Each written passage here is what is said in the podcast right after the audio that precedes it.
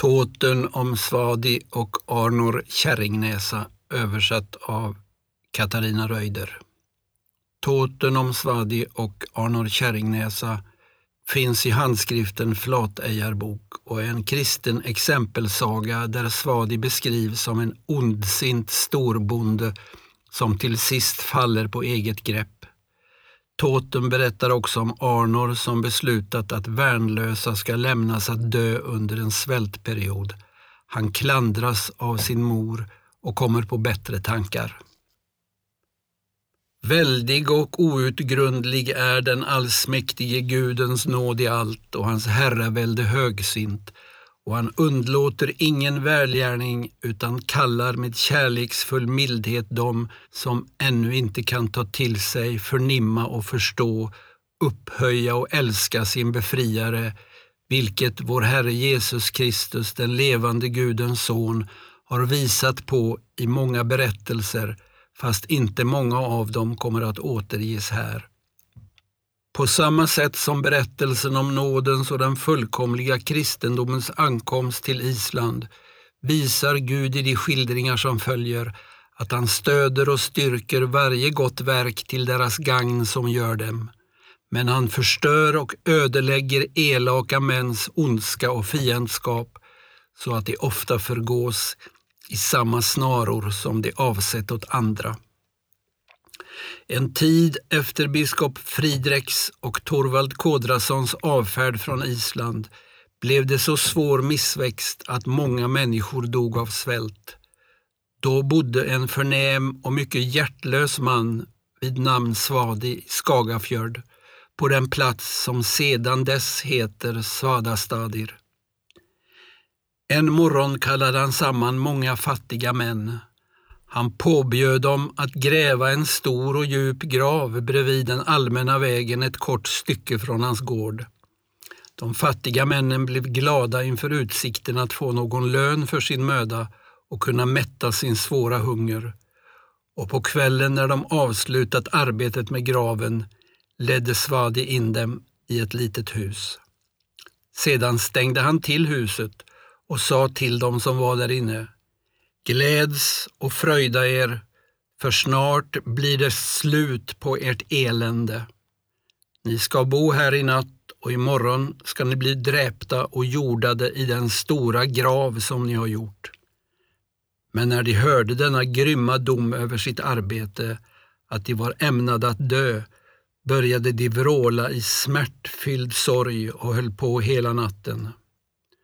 Då hände det sig att Torvard den kristne, Spakbödvars son, samma natt for uppåt bygden i egna ärenden och hans färdväg gick tidigt om morgonen förbi huset där de fattiga männen fanns. Och när han hörde deras ljudliga gråt frågade han vad som plågade dem. Och när han fick höra vad som hänt sa han till dem, vi ska slå oss ihop om ni vill som jag. Ni ska tro på den sanne guden, den som jag tror på och göra som jag säger. Då ska jag rädda er härifrån.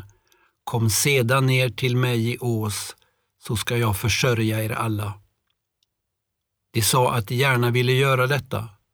Då tog Torvard bort slagbommen från dörren och upprymda med stor brådska satte de genast iväg ner till hans gård i Ås.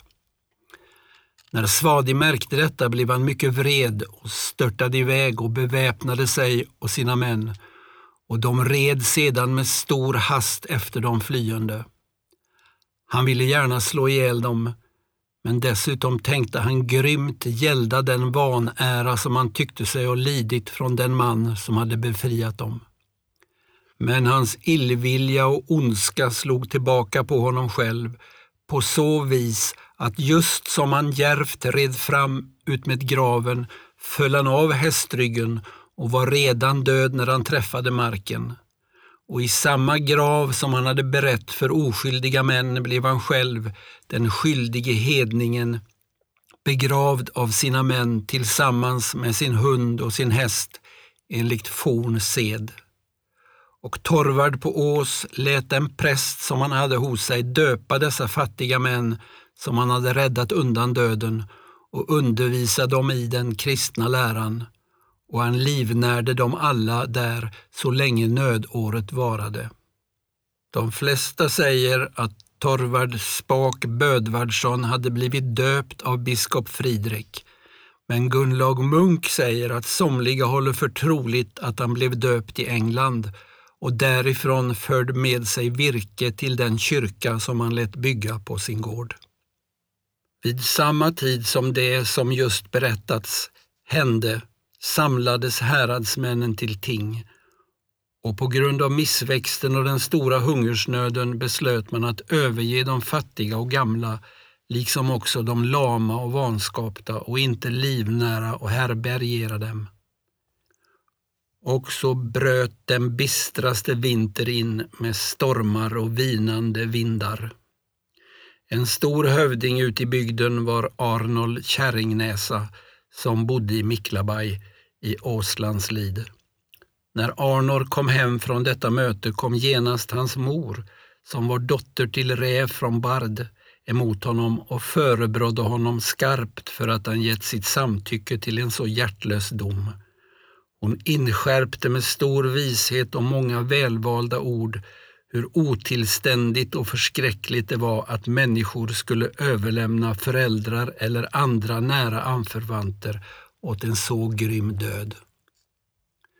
Du kan vara alldeles säker på, sa hon, att även om du inte själv gör något sådant så är du som hövding och andras ledare på inget vis oskyldig eller utan ansvar för dessa ondskefulla mord om du låter dina underlydande kasta ut sina föräldrar eller nära släktingar i ovädren.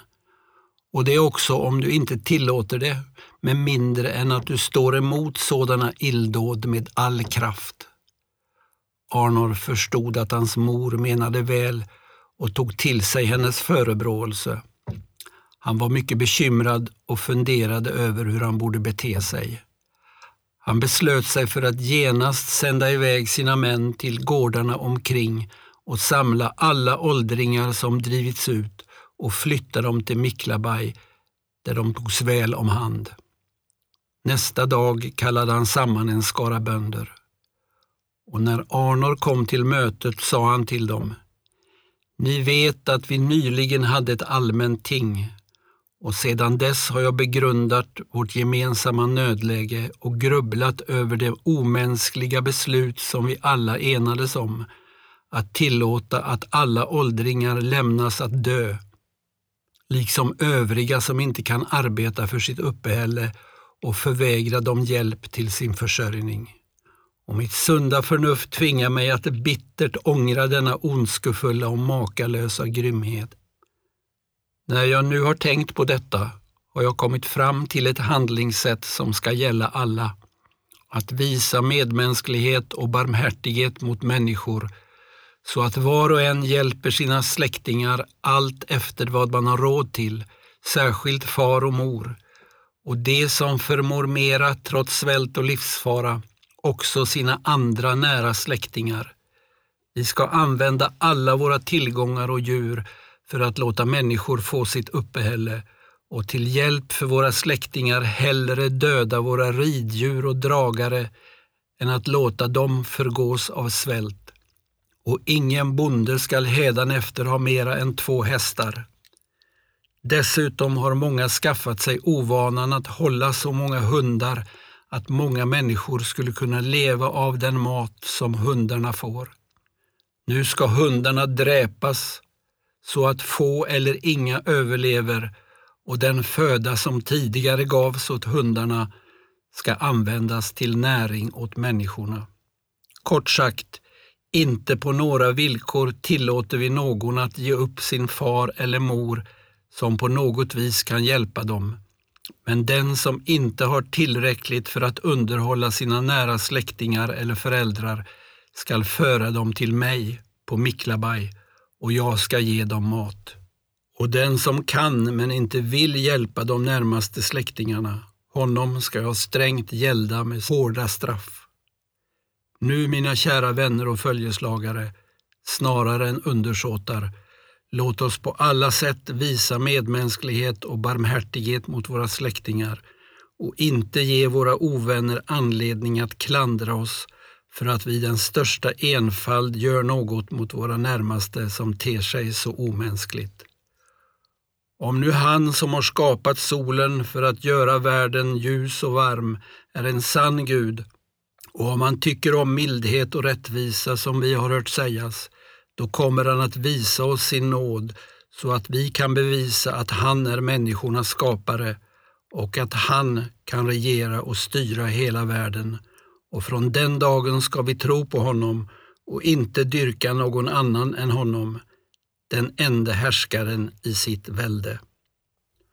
Och när Arnor hade sagt detta sa Torvard Spak Bödvarsson som också var där. Nu har ni sett, Arnor, att samme Gud som du åberopade i ditt anförande har sänt sin heliga ande till ditt bröst för att skapa denna välsignade medmänsklighet som du nu har visat människorna i ditt tal. Och jag tror att kung Olav skulle tacka Gud och dig för detta vackra framförande om han hade hört dig säga sådana ord. Jag tror att han kommer att bli utomordentligt glad när han får höra talas om det.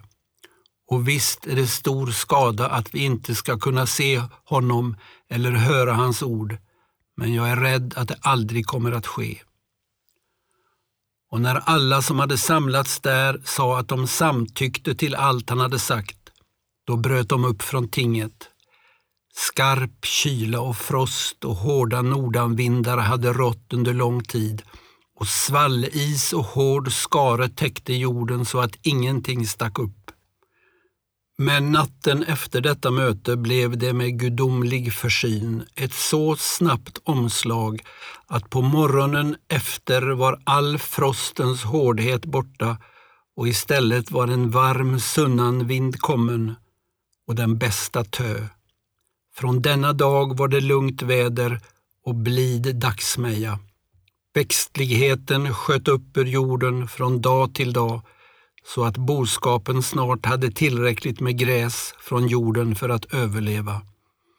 Då gladdes alla människor med stor fröjd över att de rättat sig efter det barmhärtighetsråd som Arnor hade lagt fram inför dem och fått ta emot så fantastiska välsignelser med den följden att allt Arnors tingfolk, män och kvinnor, tillsammans med sin hövding snabbt och glatt tog emot den rätta heliga tron som något senare bjöds dem, så att kristendomen efter några få vintrar var antagen över hela Island.